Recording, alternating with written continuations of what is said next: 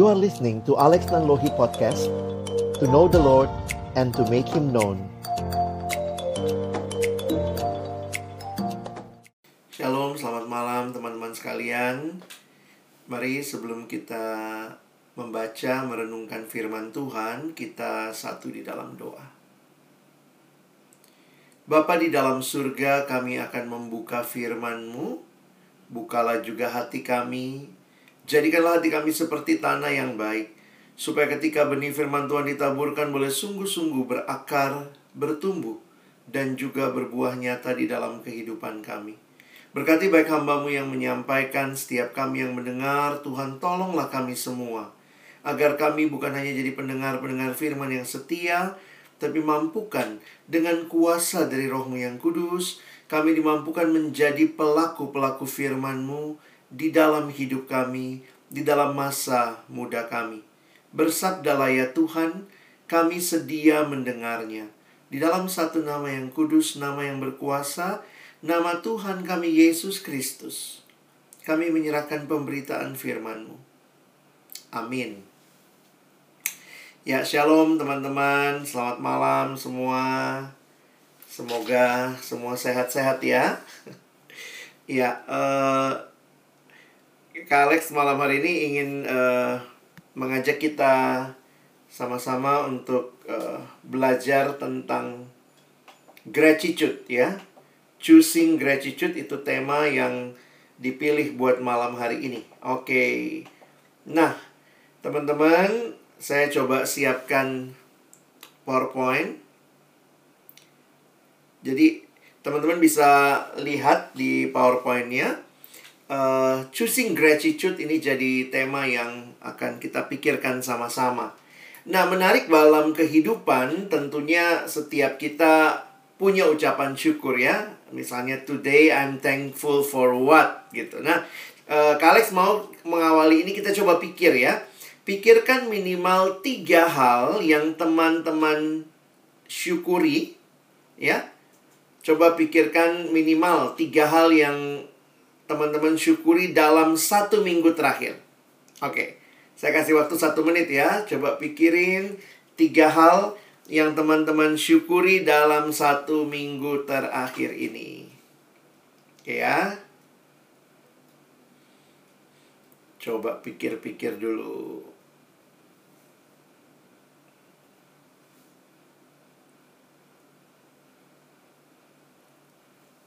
Oke? Okay? Nah, kalau sudah, sekarang saya mau ngerepotin sedikit ya. Ayo teman-teman ke menti.com.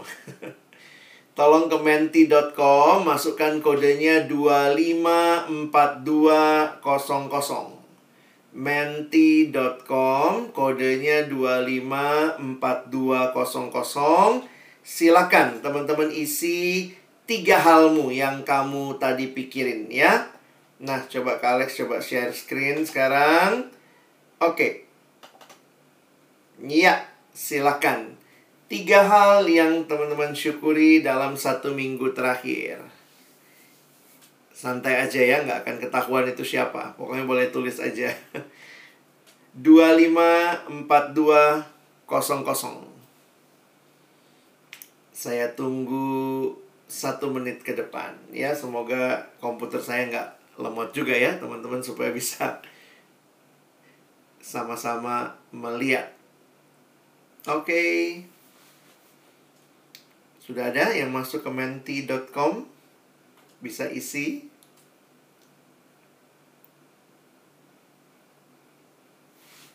Hmm, hmm, hmm, hmm. Kita tunggu dulu.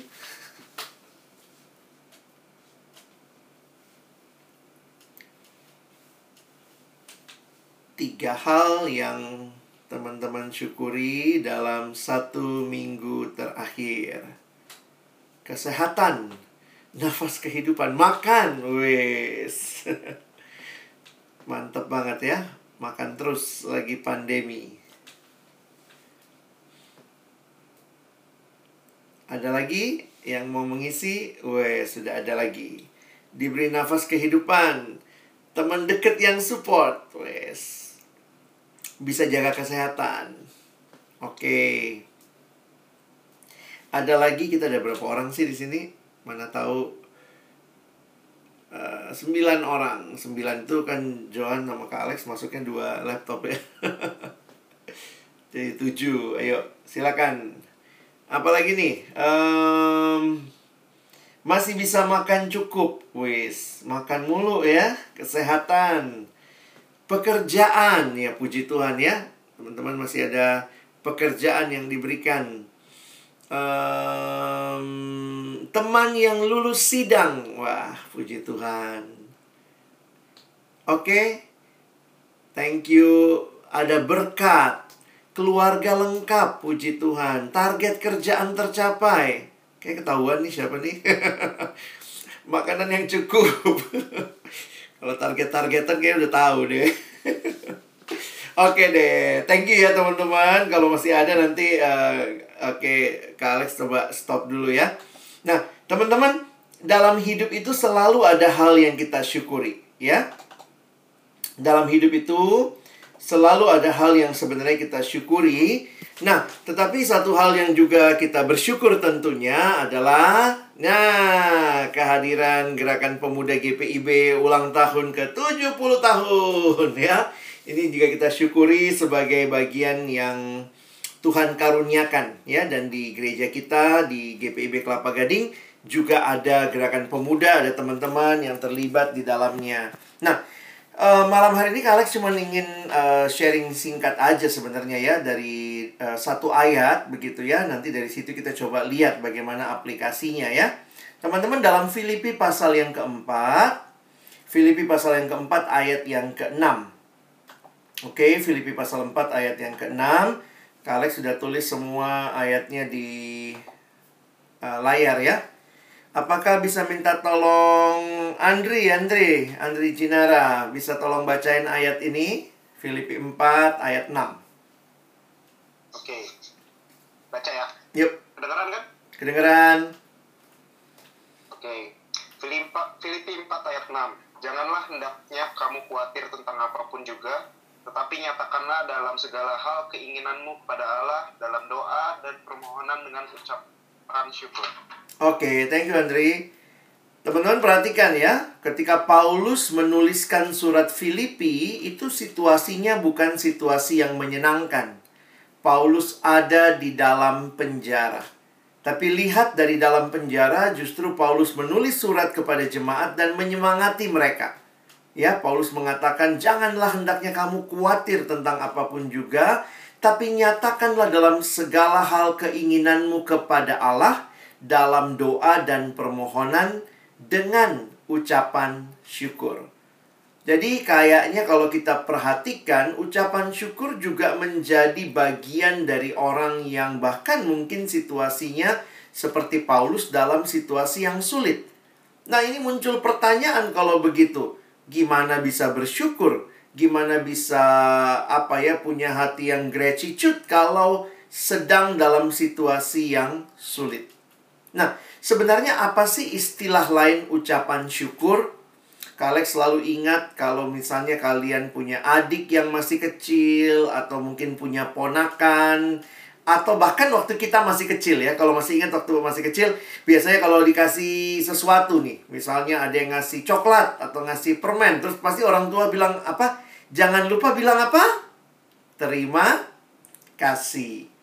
Jadi kata lain dari ucapan syukur sebenarnya secara sangat simpel adalah terima kasih makanya di dalam terjemahan bahasa Indonesia sehari-hari coba perhatikan ya bisa tolong minta uh, Bianca ya, tolong bacain buat kita. Ini versi bahasa Indonesia sehari-hari BIS.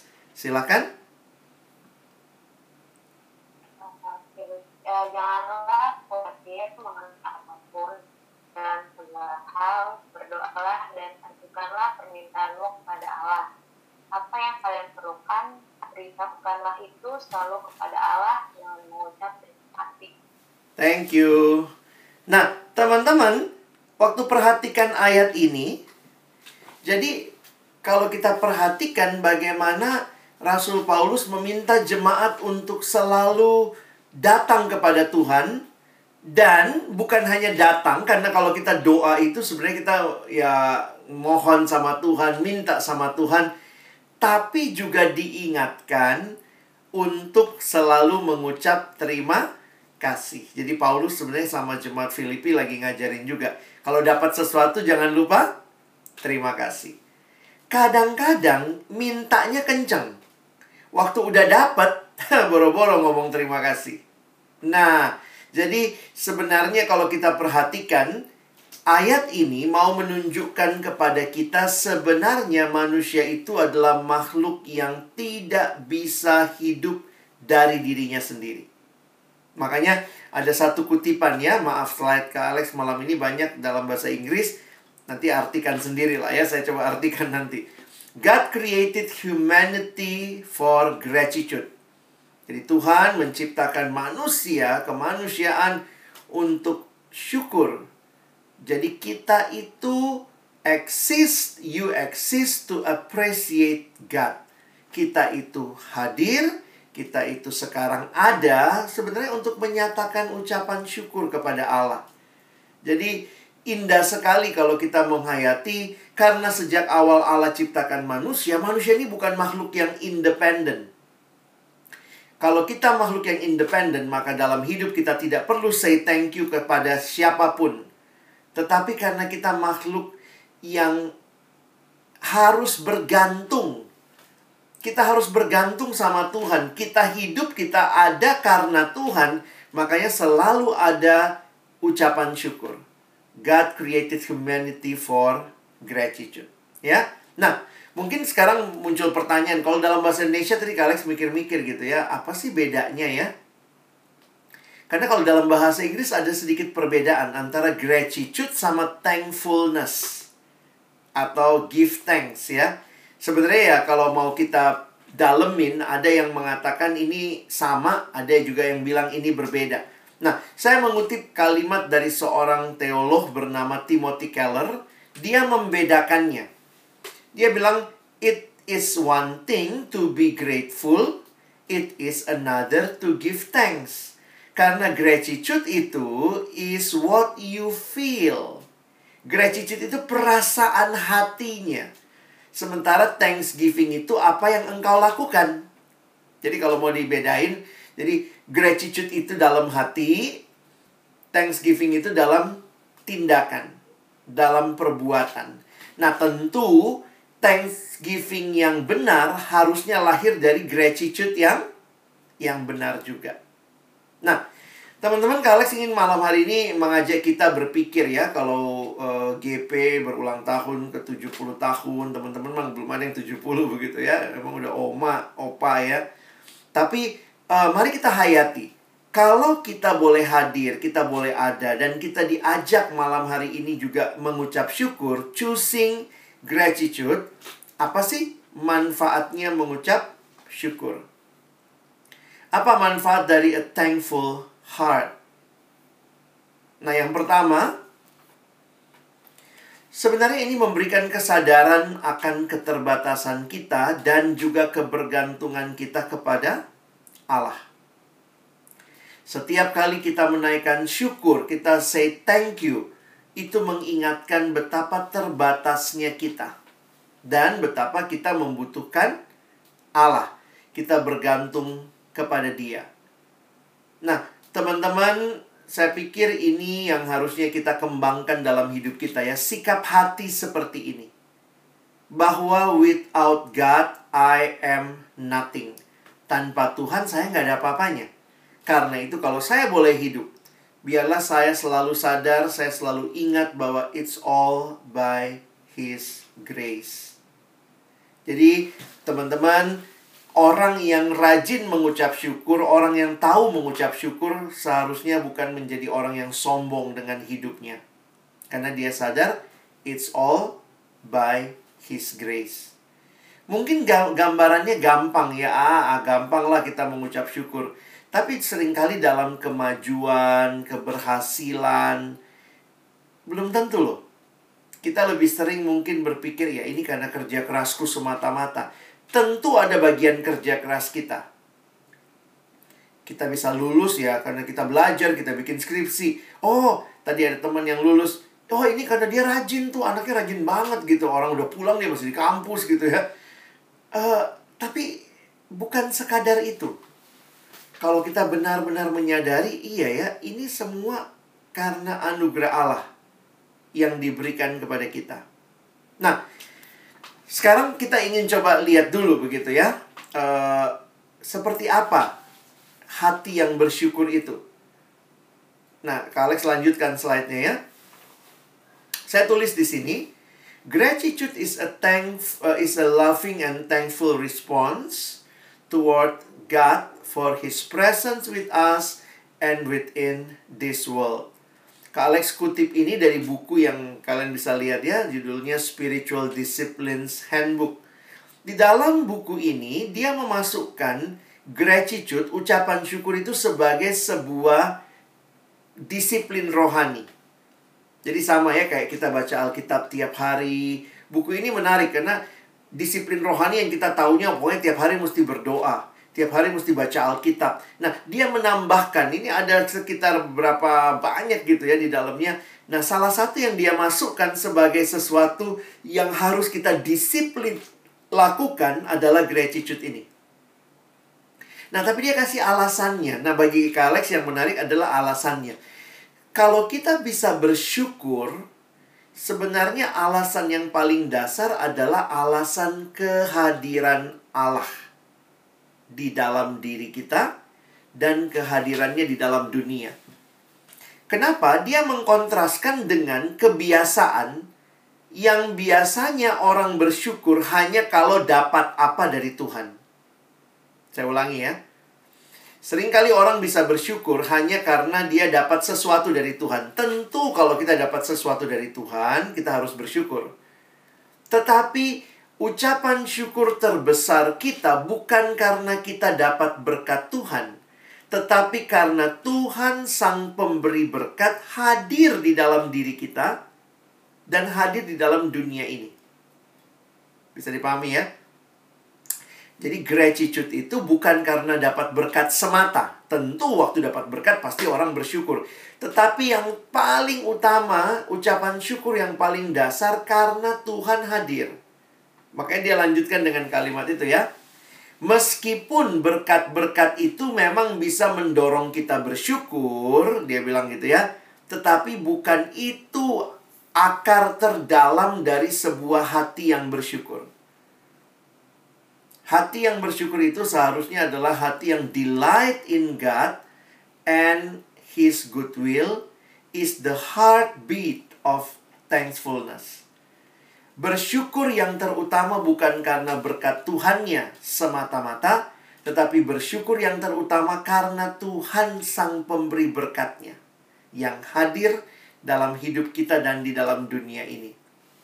Teman-teman, kadang begini ya, kalau kita hanya bersyukur karena berkat Tuhan, bagaimana kalau hidup kita lagi nggak dapat berkat Tuhan? Kita nggak mendapat seperti yang kita mau Toh realitanya seperti yang dialami dalam pandemi sekarang ya. Banyak orang lupa. Lupanya bukan karena Tuhan gak hadir. Dia lupa karena dia mengharapkan berkat Tuhan waktu dia gak dapat. Langsung marah. Jadi memang ini jadi menarik untuk kita renungkan ya. Apa sih ucapan syukur terbesar kita? Kalau ucapan syukur terbesar itu adalah Tuhan, maka meskipun tidak ada berkat Tuhan, tapi kalau ada Tuhan, itu cukup. Dan kita punya alasan untuk bersyukur. Tetapi, kalau alasan bersyukur karena berkat Tuhan, jangan lupa, hidup tidak selamanya seperti yang kita mau. Makanya kenapa orang yang sulit bisa tetap bersyukur? Dan ini juga yang Kak Alex pikir kita mesti belajar ya, jangan jangan jatuh dalam cari-cari ucapan syukur. Kadang-kadang kan orang uh, misalnya gini ya, uh, kalau ada kematian misalnya, ada keluarga kita meninggal, terus apa yang disyukuri kan? Kita mesti mengucap syukur senantiasa, mesti bersuka cita senantiasa. Kadang-kadang saya pikir juga jangan jadi aneh gitu ya, jangan jadi orang aneh ya. Masa kita syukurin yang meninggal, syukur lo mati juga gitu ya. Jadi pertanyaan saya dalam dalam pergumulan hidup yang berat, kenapa bisa bersyukur ya? Apa yang apa apa alasan bersyukur? Ternyata jawabannya Kak Alex dapat di sini. Kita bisa bersyukur dalam situasi sulit bukan karena semata-mata berkat, tetapi karena kehadiran Tuhan yang Dia berjanji tidak akan tinggalkan kita. Sehingga dalam situasi yang sulit sekalipun, kita bisa bersyukur. Sekali lagi kalau ambil pengalaman Paulus, waktu Paulus nulis surat Filipi ini, surat Filipi tadi, itu Paulus lagi dalam penjara.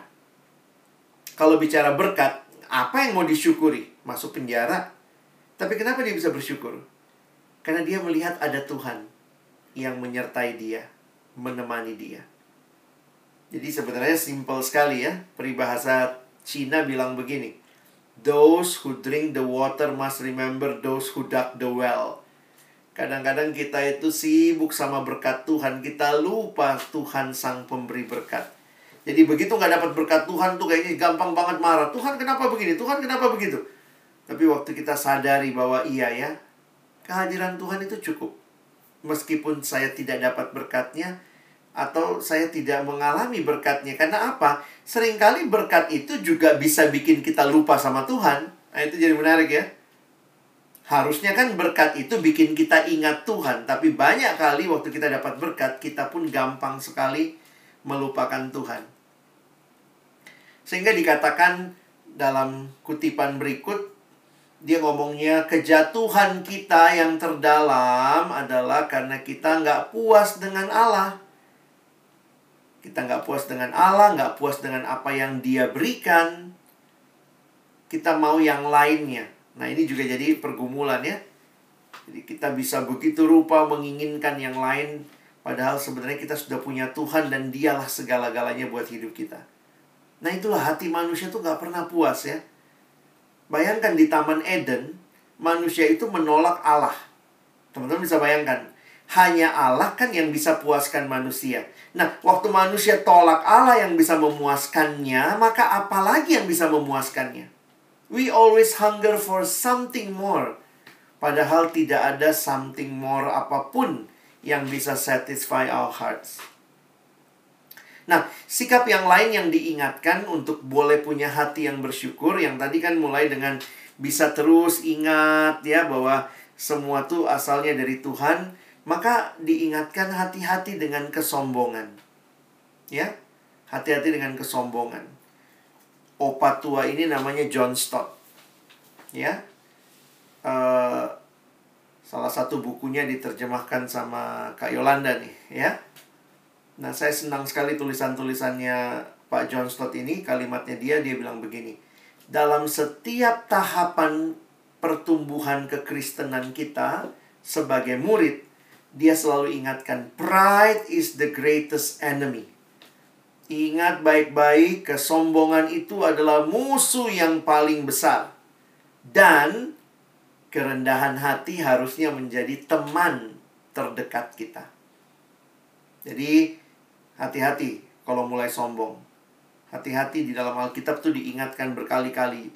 Dosa jangan membual, jangan berbohong, jangan merasa dirimu mampu ya.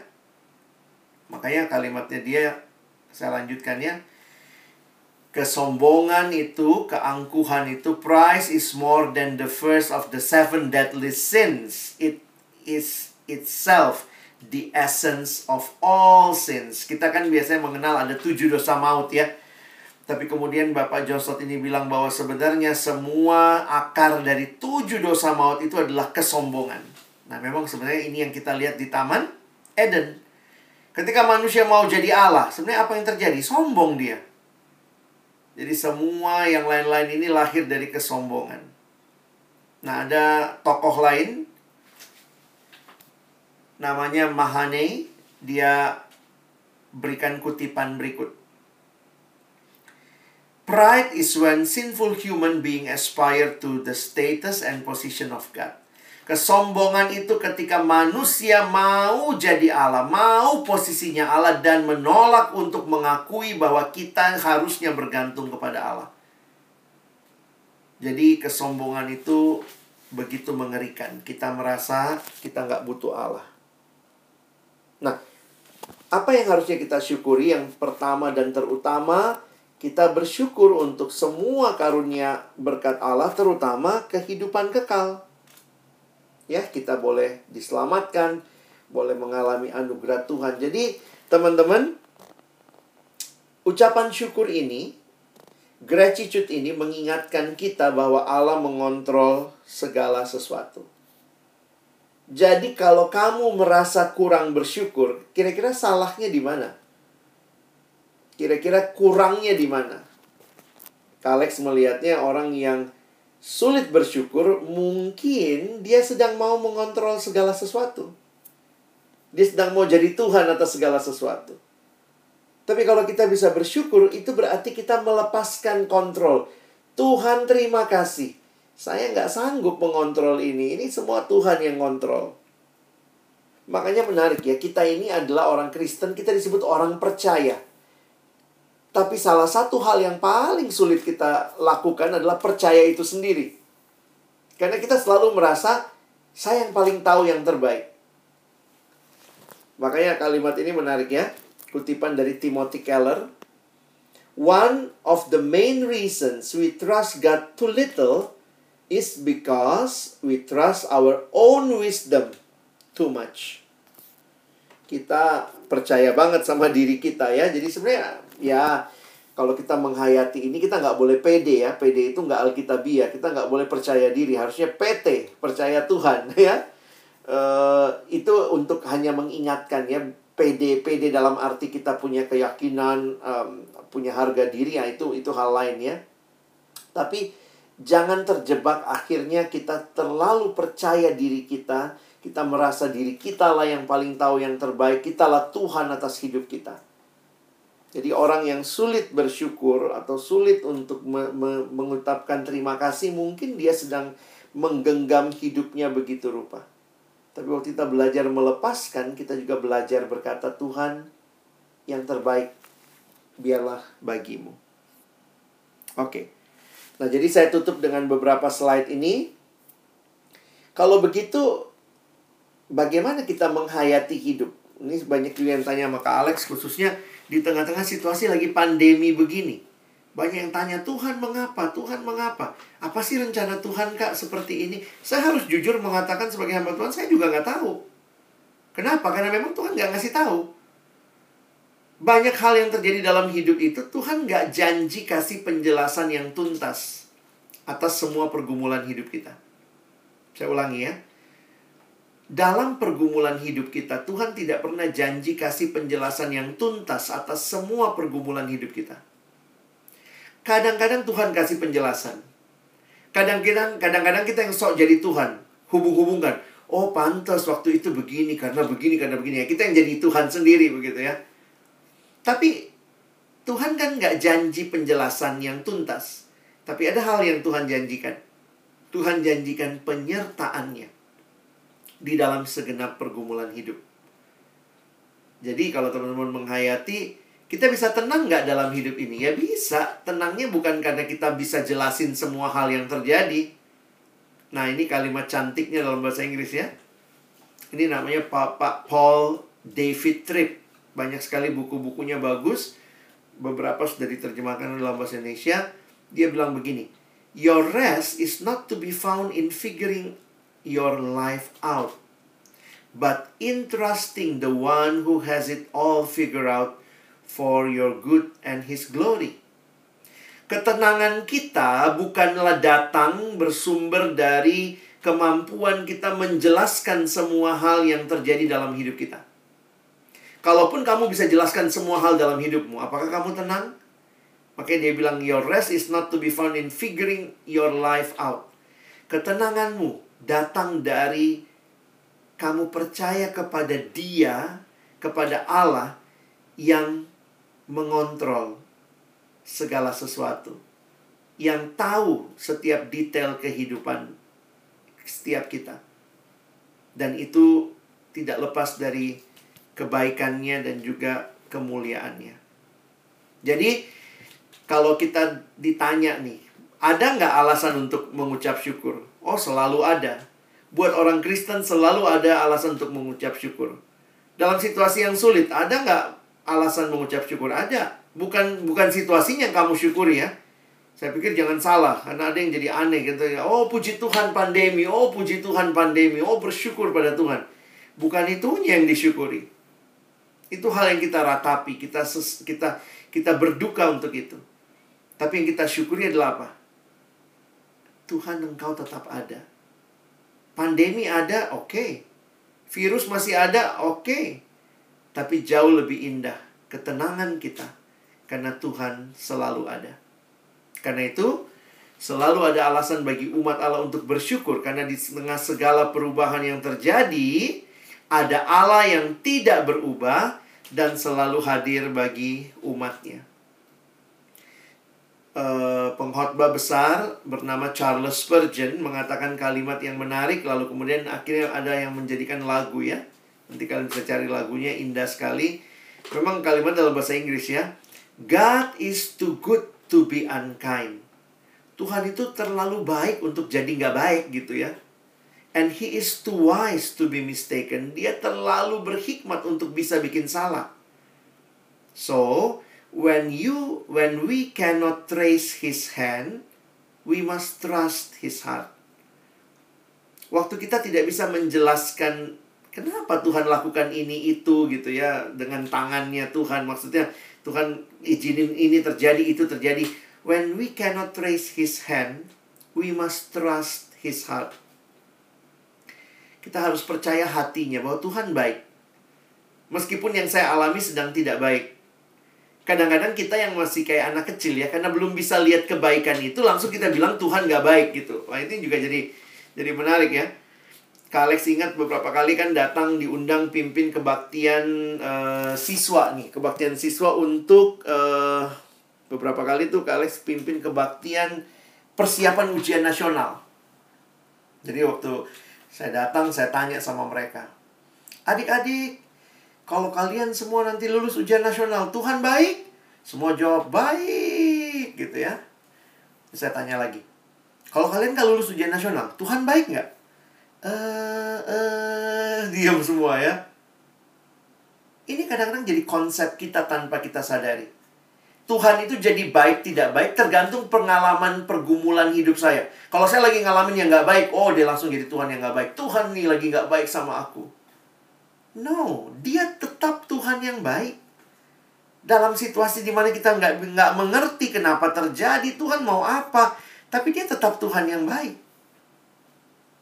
Kalaupun kamu belum bisa lihat kebaikannya, kamu bilang Tuhan mana baik? Buktinya sekarang pandemi, mana kebaikanmu? Saya nggak bisa lihat orang kesulitan dapat pekerjaan, orang di PHK, beberapa mungkin harus mengalami pergumulan kedukaan. Mana kebaikan Tuhan?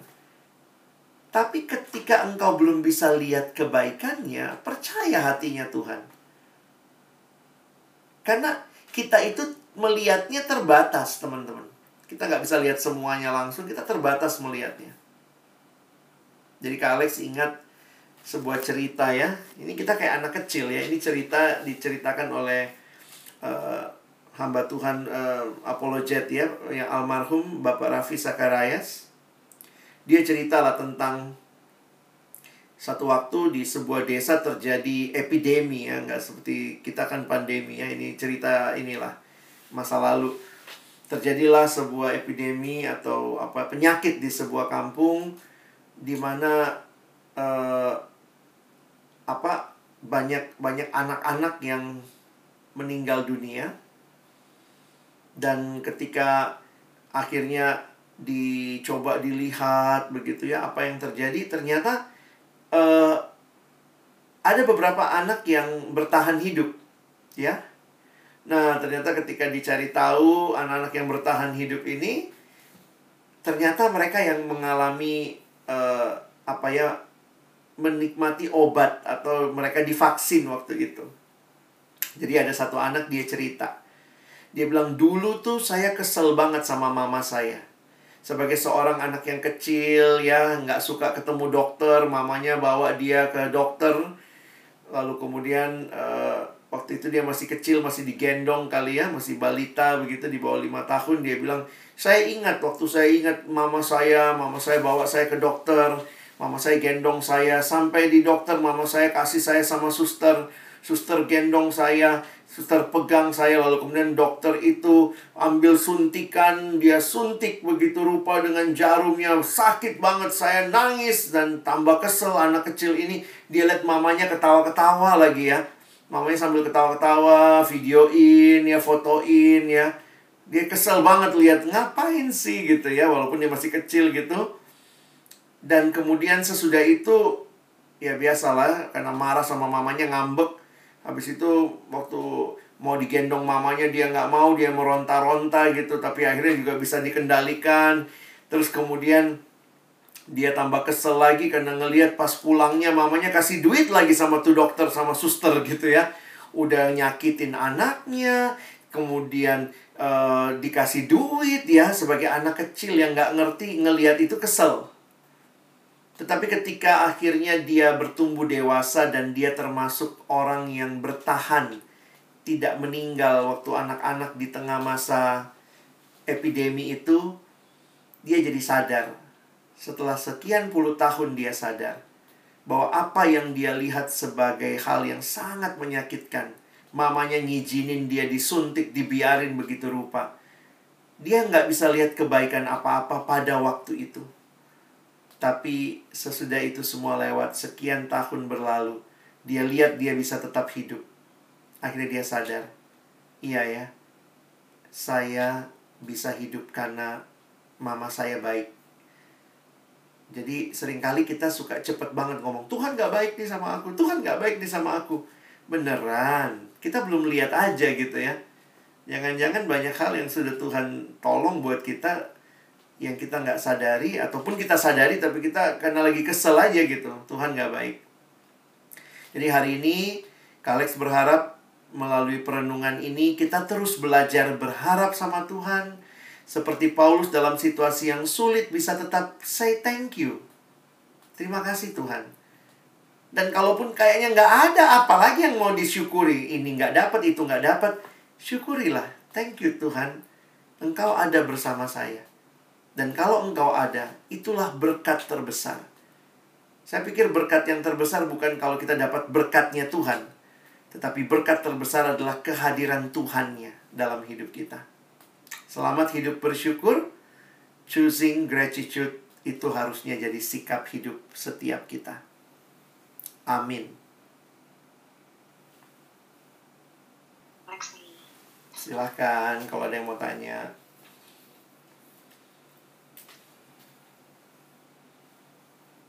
Aku Kalek. Oh. Silakan. Enjoy ya?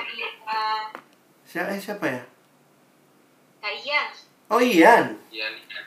Sorry sorry, gue nggak ngeliat ini. Sama sama pertanyaan aku dan aku masih penasaran bagaimana menyikapi Ya. eh, bagaimana menyikapi teman-teman eh, teman-teman kita yang menganggap bahwa Tuhan itu nggak ada gitu loh. Oh, Karena kalau dilihat khotbahnya eh, malam ini eh, aku bersyukur banget gitu Kak Alex karena eh, memang pengalaman hidup yang mengajarkan kita untuk eh, menjadi bukan menjadi ya untuk tetap bersyukur gitu hmm. bahwa Tuhan tuh memegang kendali kita dan kita apa mungkin kita nggak tahu rencananya sekarang tapi di ke depannya kan ada iya. Nah aku pengen tahu nih gimana sih? Karena ada temen aku yang bilang Tuhan tuh nggak ada kak gitu. Nyatanya eh, apa gue sekarang gue bisa hidup sendiri gitu. Gue Hmm. nafas karena gue makan gue sehat. Hmm, Itu hmm. bukan karena eh, bukan karena eh, kuasa Tuhan. Mana Tuhan mana gitu. Jelas ya pertanyaannya you Kalek Iya iya iya. Eh, ada banyak ada banyak penjelasan sebenarnya yang bisa diberikan, tapi sekali lagi sebenarnya ini sangat tergantung hati orang juga ya. Karena itu kalau teman-teman punya pergumulan kayak begitu jangan lupa bawa dalam doa. Jadi ini orang-orang yang bukan hanya dimenangkan dengan intelek ya. Saya bisa jelaskan maka dia percaya begitu ya. Tapi di sisi yang lain yang uh, yang saya lihat gitu ya. Uh, mungkin juga perlu kita cari tahu lebih dalam apa yang jadi pergumulan dia. Kenapa dia sampai ambil kesimpulan itu? Misalnya ada orang yang karena pengalaman hidup yang pahit, dia sulit. Jadi mungkin uh, pengalaman-pengalaman hidup kah atau mungkin uh, kekecewaan yang dia pernah alami yang membuat dia sampai menyimpulkan seperti itu itu itu yang yang diingatkan lah buat kita untuk bisa coba kalau dia masih bisa terbuka masih bisa sharing masih bisa percaya sama kamu ya saya pikir sih ya be be his or her friend lah. Jadi teman yang baik lah. Karena itu juga proses sih. Proses bagaimana dia mungkin paling tidak begini ya. Waktu dia ngalamin pergumulan yang tentu hidup itu pasti punya pergumulan. Nggak ada hidup nggak ada pergumulan kan Nah, ketika kita berjalan bersama dengan dia, mungkin tanda kutip ya tawarin satu dua kali, boleh nggak saya berdoa buat kamu? Ya, poinnya kadang-kadang dia suka ya mungkin ada orang yang bilang, ah ya udah doa doa aja gitu ya. Tapi paling tidak mau menunjukkan kepada dia bahwa kita percaya ada Tuhan dan kita tahu Tuhan sedang bekerja dan Tuhan bisa berkarya dalam hidup dia. Nah, tapi memang kalau kalau mau pakai filosofi-filosofi mah banyak ya. Misalnya begini. Kalau dia bilang nggak ada Tuhan, misalnya ada orang bilang gini, Tuhan tuh nggak ada. Kenapa? Kalau Tuhan ada, kenapa ada penderitaan? Sebenarnya, ah itu kan yang sering kali ditanya ya. Jadi dia mau Tuhan yang nggak ada penderitaan. Nah itu dapat dari mana? Dari mana hidup tanpa penderitaan? Jadi sebenarnya mau ada Tuhan nggak ada Tuhan, penderitaan tetap ada. Jadi kalau dia mengambil kesimpulan karena ada penderitaan lalu jadinya nggak usah ada Tuhan, bagi saya jadi lompat tuh kesimpulannya. Karena mau ada Tuhan, mau nggak ada Tuhan, tetap ada penderitaan. Jadi sebenarnya kita harus deal sama penderitaannya. Nah, kekristenan memberikan jawaban.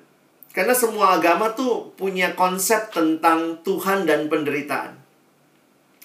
Ada agama tertentu mengatakan Tuhan itu terlalu kudus sampai nggak bisa nyentuh penderitaan. Ada yang begitu. Karena itu Tuhannya tuh jauh. Yang menderita tuh manusia. Nah, Kristen ini aneh sekali, luar biasa unik. Ternyata konsepnya Tuhannya kita yang menderita bagi kita. Jadi sebenarnya itu jadi satu pemahaman filosofis yang sangat dalam bahwa Tuhan yang menderita buat kita. Kalau yang lain kan Tuhan itu tidak menderita, yang menderita kita. Sedih amat gitu ya, kita yang menderita Tuhan tuh nggak bisa menderita. Tapi kekristenan berkata bahwa Tuhanku adalah Tuhan yang menderita. Nah, sehingga kita bisa bilang gini, buat lu, lu pilih mana?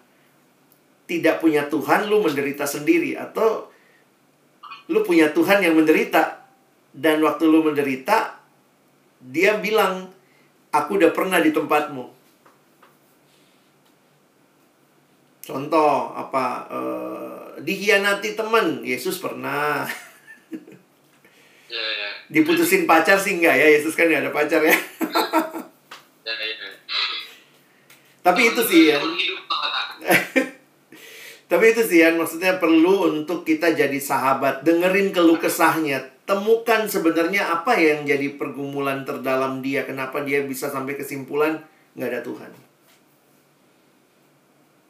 Begitu. Thank you. Kak Alex. Together, eh sama Aku- sama sama. Aku together sama-sama. Aku izin minta yang ini ya.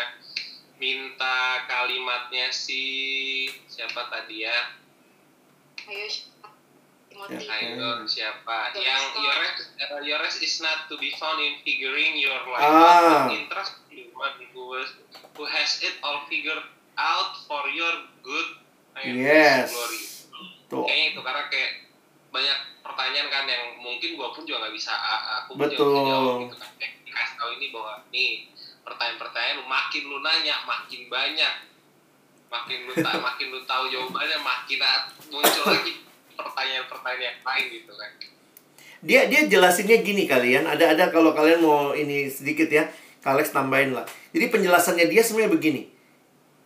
Hidup itu, hidup manusia itu selalu ada nggak pastinya. Jadi kan kaget juga waktu baca. Kita kan mau hidup yang pasti-pasti gitu ya. Pasti. Nah, dia bilang nggak bisa. Hidup itu pasti ada nggak pastinya. Yang pasti itu cuma Tuhan. Jadi, dia bilang gini, selama lu manusia, lu akan ngalamin ketidakpastian. You will never be certain of everything in your life. That's why you need God. Karena asumsi dia, kalau you certain about many things, you don't need God. Nah, jadi dia bilang ini masalah utama kita dari Taman Eden. Manusia mau kontrol. Karena dalam kontrol itu ada kepastian. Nah, ternyata aturannya dunia ini Tuhan yang punya kontrol, kita berserah kepada Dia. Jadi sebenarnya kita selalu ada dalam posisi nggak pasti karena itu kita butuh Tuhan.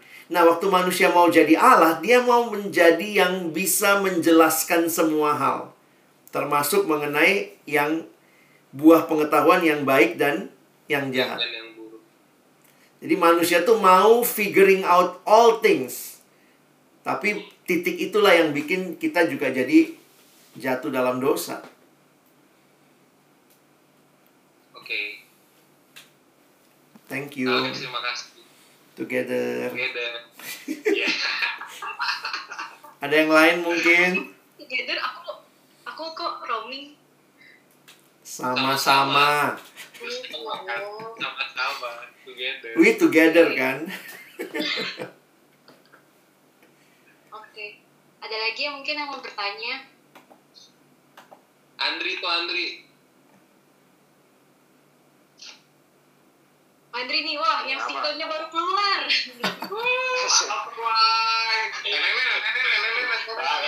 Single, single. Kak, Hendrik. saya- aku mau nanya. Kan Gimana? ada seperti ayat nih. Aku Mm-mm. nanya ya. Yep. Ah, eh, seperti Markus 11 ayat 24. Karena itu aku berkata kepadamu, apa saja yang kau minta dan doakan percayalah bahwa kamu telah menerimanya, maka hal itu akan diberikan kepadamu. Yang Iya. kedua, eh, pada saat Yesus eh, mau membagikan roti, dia akan mengucap syukur dulu, baru Hmm. eh, roti itu Ah, eh, menjadi banyak ya istilahnya. Ya, Nah, ya. Teologi banget. di eh, saya pernah baca waktu itu kayak eh, ada yang me- menginterpretasikan itu sebagai untuk eh, s- untuk material gitu. Iya. Menurut Alex itu salah atau enggak? Ya, kita mengucap syukur untuk kayak kita percaya dulu mendapatkan baru kita menerima gitu. Hmm, hmm. Tanggapannya aja sih kak. Oke, thank you, Andre. Saya saya melihatnya gini ya, eh, berkat materi itu ada, tapi itu bukan segala-galanya. Nah, sering kali ya yang mengajarkan seperti itu, maaf ya, dalam ajaran-ajaran tertentu yang sangat fokus kepada berkat materi, berkat jasmani, itu menempatkan materi sebagai segala-galanya. Bahkan bukti berkat Tuhan itu adalah materi itu. Padahal di banyak kasus, di banyak kesempatan, kalau kita perhatikan jangan-jangan materi itu justru tanda kutip Tuhan berikan sebagai kutukan gitu ya. Kutukan dalam pengertian bahwa itu sesuatu yang yang yang kayak ya udah kalau lu maunya kaya terus nah lu makan tuh kekayaan kasarnya begitu ya. Cinta uang, cinta harta begitu. Jadi yang yang Kak Alex agak kritisi adalah kalau dia mengatakan bahwa berkat Tuhan hanya materi. Nah, dari poin itu sering kali pengajaran yang Andri bilang tadi itu kayak mengimani apa yang belum kita punya. Tapi sekali lagi, kenapa itu banyakkan materi ya? Jadi misalnya eh, jadi kayak begitu ya. Kalau doa pokoknya mesti yakin dulu deh. Saya terima dalam nama Yesus. Padahal belum ada barangnya. Belum ada bendanya. Belum ada... Kita belum dapat begitu. Jadi kadang-kadang berpikir bahwa iman itu mendahului. Nah, yang saya agak takut adalah jadinya seolah-olah iman kita yang mengontrol apa yang menjadi berkat Tuhan. Saya sih tidak melihatnya begitu. Jadi makanya kalau Alex berpikir eh, hati-hati. Jadi itu eh, pengajaran seperti itu agak booming sekitar tahun 80-an akhir. Itu namanya word uh, word faith movement. Jadi itu adalah sebuah gerakan yang eh, apa ya? Mereka pakai istilah kata-kata iman. Kalau Inggrisnya pakai word faith movement. Jadi eh, minta waktu minta mesti klaim dalam nama Yesus eh, meyakini gitu. Nah, saya melihat itu jadi kok kayak iman kita itu jadi penyetir kehendak Tuhan. Sebenarnya harusnya nggak begitu. Silahkan minta, tetapi sikap hatinya harus kayak Yesus. Bukan kehendakku, tapi kehendakmu. Karena kalau tidak, kalau cuma satu sisi, itu bukan jadi teologi, itu jadi ngototisme itu. Ngotot-ngotot. Begitu nggak dapet, marah sama Tuhan. Jadi kira-kira gitu kali Andre ya. Tapi ya banyak yang ngajarin begitu dan bagi saya kayaknya sedih aja kalau jemaatnya cuma tahu itu doang gitu. Begitu kira-kira. Sama-sama. Juga dong kak mau nanya. Silakan Jo. Gue sih, gitu. aku sih sebenarnya kayak kadang tuh otakku tuh suka me, apa ya namanya ya, melawan pikiranku sendiri gitu loh kak. Iya. Jadi, wah jangan eh, gimana ya kalau misalnya mau menanggapi pertanyaan, eh, gila lo emang lo sebagai manusia itu diciptakan kan oleh Tuhan sudah sepatutnya dan seharusnya lo mau berterima kasih kepada Hmm. uh, Tuhan lo tapi kok uh, eh, sampai gila ya Tuhan lo tuh kok kayak harus terima kasih banget ya gitu Hmm, hmm. kesannya at some point kadang uh, di di satu sisi kecil tuh tuh ada yang imunnya tuh ngomongnya kayak gitu gitu gimana ya kan nanggepinnya Hmm. tapi kan emang harus berterima kasih cuma kesannya kalau lo nggak berterima kasih lo nggak bersyukur banget gitu kayaknya Iya, mana iya. gitu Dalam hidup kita ada berbagai pola relasi. Dalam hidup itu ada berbagai pola relasi. Nah, salah satu yang Johan katakan tadi, mungkin itu pola relasi yang kita merasa Tuhan itu cuma nuntut terima kasih. Nah, ya, saya nggak mau terlalu jauh lah ya menganalisa kalian atau diri orang, tapi ternyata kalau teman-teman perhatikan eh, ber- beberapa pengajaran Tuhan Yesus tuh begitu tuh. Misalnya waktu pengajaran tentang anak yang sulung sama anak yang bungsu, masih ingat ya? Nah, anak yang bungsu itu eh, lari dari rumah kan? Pergi tinggalin rumah, lalu kemudian em, dia jadi apa mengembara dan seterusnya gitu. Hmm, si John lagi ini kayaknya freezing ya.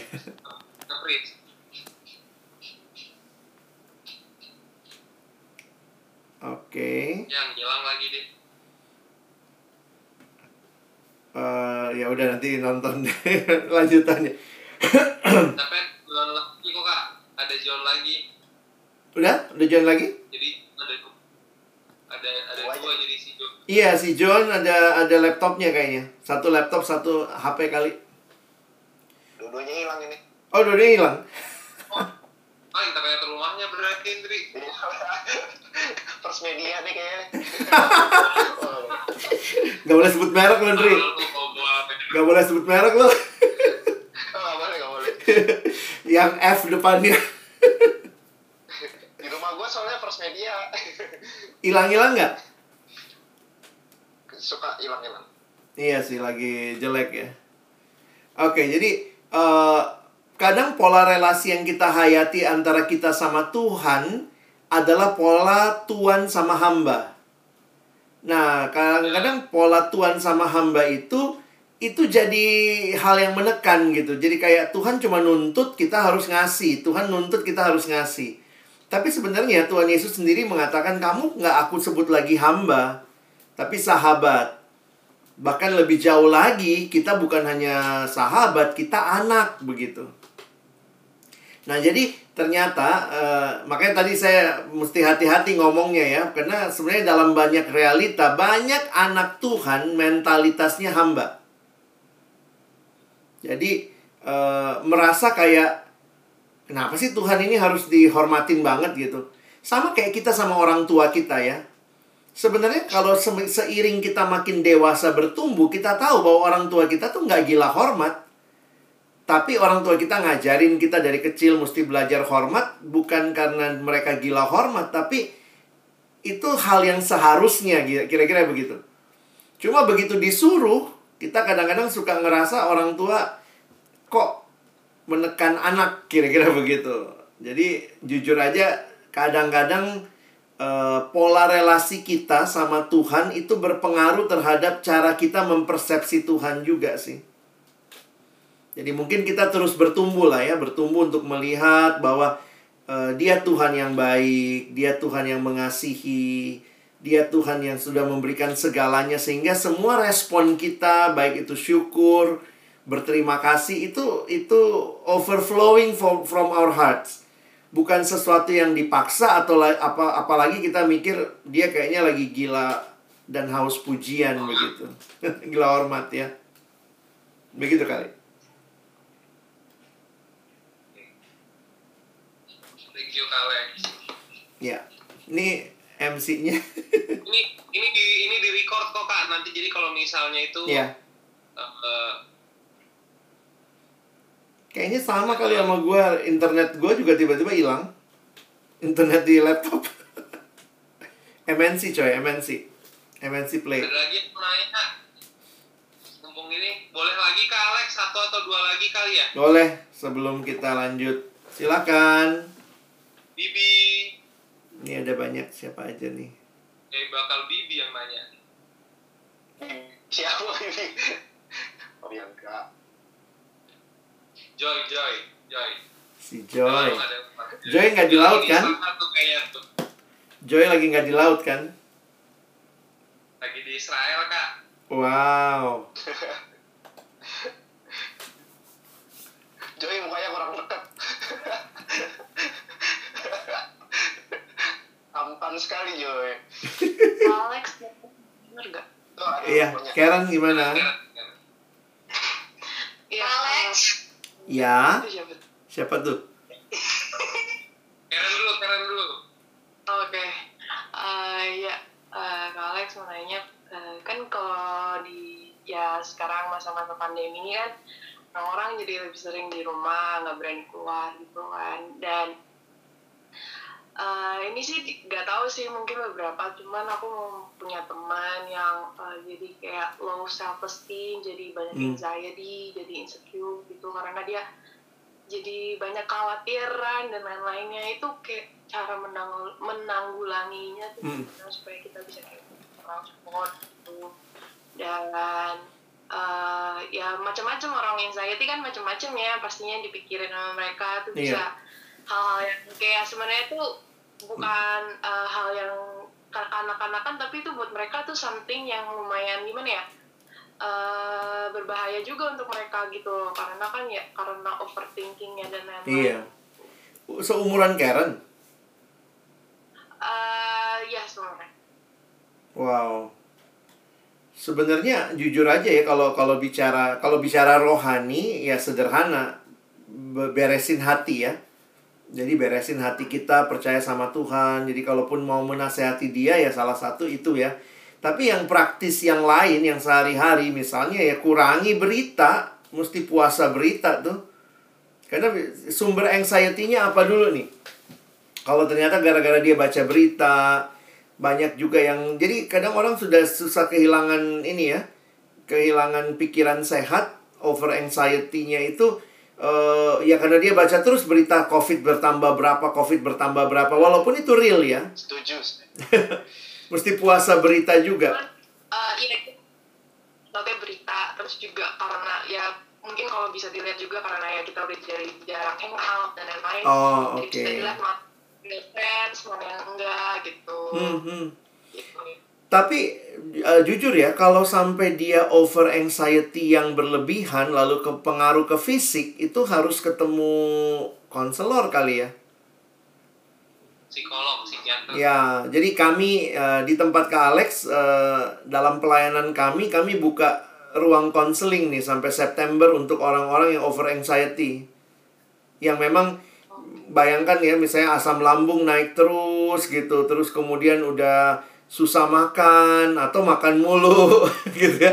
Karena kan bisa beda-beda tuh responnya. Tapi benar kalau sudah over anxiety berlebihan kayaknya uh, kalau saya sih ngusulin ketemu uh, psikolog atau konselor sebelum ketemu kalau psikiater soalnya dikasih obat kalau udah halu tuh udah halu udah mikirnya macem-macem sampai mikir apa ada suara di kepala kayak nonton I'm okay ya Korea banget sih. Tapi gitu kalau over anxiety harus harus ditolong. Tapi kalau masih apa ya bisa dibilangin ajakin dia untuk ini kali Karen ya kalau masalah hangout misalnya gini kalau pas teleponan coba lihat lihat wajah nyalain camnya gitu. Kemarin waktu saya ini juga ada psikolog yang pimpin kami sesi dia gitu e, tolong ya semua nyalain cam gitu. Karena ternyata itu juga rilis ya bisa lihat teman ya lihat anjingnya Ian gitu ya bukan Iannya gitu ya itu rilis buat kita jadi itu menolong lah. Tapi ya sebagai teman supportnya yang penting ya.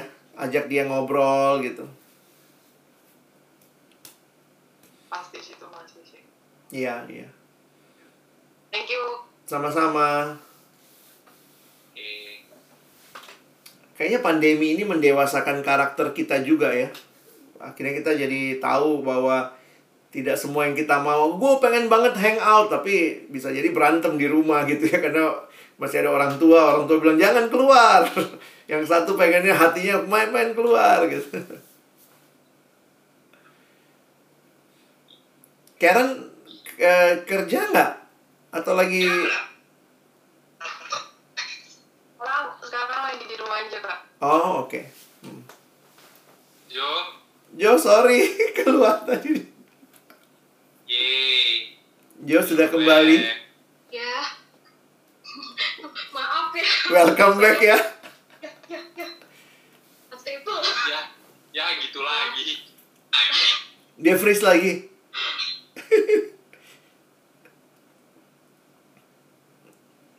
dia nanti dilihat di recordingnya ya dilihat cuman dia dia, seperti aku dia MC-nya. Jadi bingung ya kita. Kenapa, Jo? Internet rumah. iya nih kak wifi iya internet rumahnya gitu Iya, iya, iya. coba videonya dimatiin dulu deh Jo kayak aku matiin video dulu ya maaf ya teman-teman Ya. Oke. Tadi sih jawaban singkat untuk pertanyaanmu, kalau Kak Alex tadi bilang masalah pola relasi. Di dalam Alkitab itu banyak pola relasi dengan Tuhan. Jadi kadang-kadang kita hanya mengerti satu pola bahwa Tuhan itu Tuhan, kita hamba. Itu betul, ada juga pola Tuhan dan hamba. Tapi juga ada pola sahabat. Terus Tuhan juga bilang eh, ya kamu anakku gitu. Jadi sebenarnya kita perlu bertumbuh dalam relasi-relasi itu supaya jadi karena kalau kita cuma ngerasa ini ini orang gila hormat banget sih, ini Tuhan gila hormat banget sih. Mungkin kita kadang ngerasa ya, gue kayaknya jadi hamba cuman di push doing that, doing that. Tapi many things yang ya Tuhan sudah berikan buat kita dan pola-pola relasi itu penting sih untuk kita sama-sama pelajari dan bertumbuh di dalamnya. Tadi kalimat kunciku adalah ternyata di dalam gereja banyak anak Tuhan tapi mentalitasnya hamba. Nah, itu yang aku pikir eh, Tuhan Yesus sendiri juga ingatin ya, kamu bukan lagi hamba tapi kamu adalah sahabatku misalnya. Jadi jangan jangan kembangin curigation ya. Curiga nih Tuhan nih kayaknya gimana gitu ya, penyakit baru tuh curigation.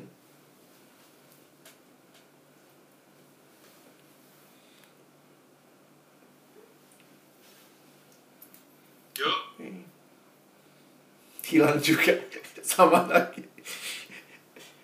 Gue nggak ngulangin deh ketiga kali udah gak ada gue nggak dia dapat piring cantik gitu Iya, nanti iya. nanti nonton rekamannya aja. Ya nggak apa-apa. Terus habis ini apa ya? jadi gue juga nggak tahu. Kan kak dikasih tahu kak? Atau ada enggak sih. tahu? kayak biasa aja habis ini kita doa syafaat nanti Kak Alex. Yang ngomong ya yang pimpin. Siapa tuh?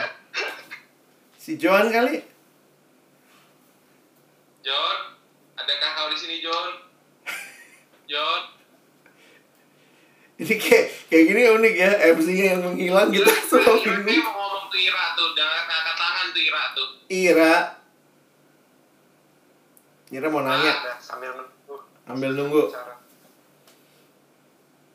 Nggak ada mukanya soal Ra Ira left. Ya dia dipanggil ke live sedih amat sih gua. Itu salah satu trik zaman sekarang. Oh, oke oke. Dipanggil dipanggil bos left. Alasan koneksi.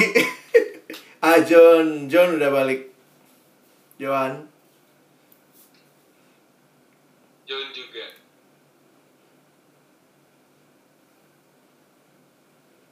Berapa? John berapa ekor anjing lu Yan? ada tiga kak. Ini di rumah Bogor apa di Gading? Ya rumah Bogor. Oh pantas semua kumpul. Semua ngumpul. John John.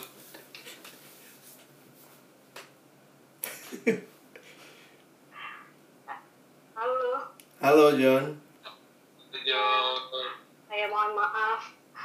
Aduh, Gak apa-apa, nanti dilihat dari recordingnya ya, John. sebenarnya juga recording tadi gue yang kepencet Yan. Gue kagak tahu kepencet ke kesimpan ke mana ya ke gue ya. Tapi, tapi ini ada tulisan recordingnya sih, jadi pasti nanti nggak tahu di mana, pasti ke Iya, recording iya, nggak iya. tahu di mana, oke. Nggak tahu gimana pokoknya mudah-mudahan ada ya. Lanjut aja, John. Udah nggak ada yang nanya lagi. Oh, Ya. udah gak ada yang nanya lagi ya. Eh, gak apa-apa ya lewat eh, sinyalnya. Oke. Eh,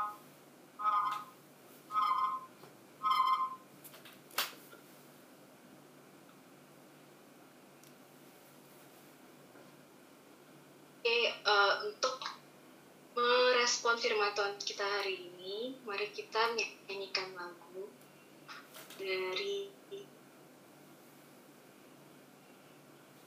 Hidung Jemaat 439.